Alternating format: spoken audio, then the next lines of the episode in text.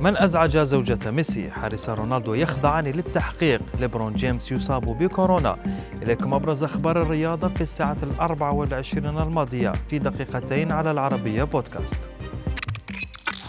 كواليس البالون دور لا تزال تصنع الحدث. آخرها تسريب فيديو يظهر مسؤولا في فرانس فوتبول يطلب من أنتونيلا زوجة ميسي الابتعاد عن عدسات الكاميرات حتى يلتقط ميسي وأولاده صورة ببدلتهم المتشابهة. هذا الأمر أثار استغراب ليونيل وغضبه أيضا قبل أن يعيد أنتونيلا مباشرة إلى جانبه ويبتسم للكاميرات من جديد.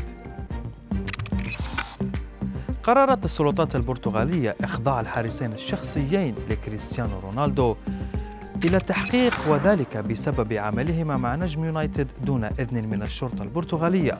وكان الحارسان وهما شقيقان يعملان في وحدة حماية الشخصية المهمة مع الشرطة البرتغالية قبل أن يسافرا إلى إنجلترا في إجازة غير مدفوعة ودون علم الشرطة لتوفير الحماية لكريستيانو وعائلته.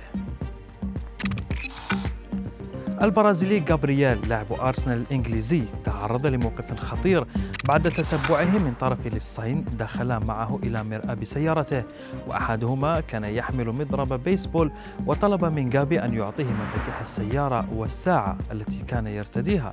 اللصان وأثناء التحقيق معهما كان يجهلان أنهما يلاحقان لاعب كرة قدم. بل قاما بعملية السطو لأن جابرييل بدا شخصا غنيا بسيارة فاخرة.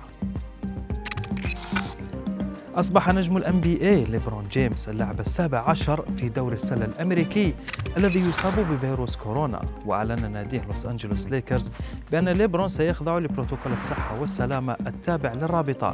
وهذا يعني أن النتيجة المعلنة قد لا تكون حاسمة لكن من المرجح أن يغيب عن بعض مباريات فريقه.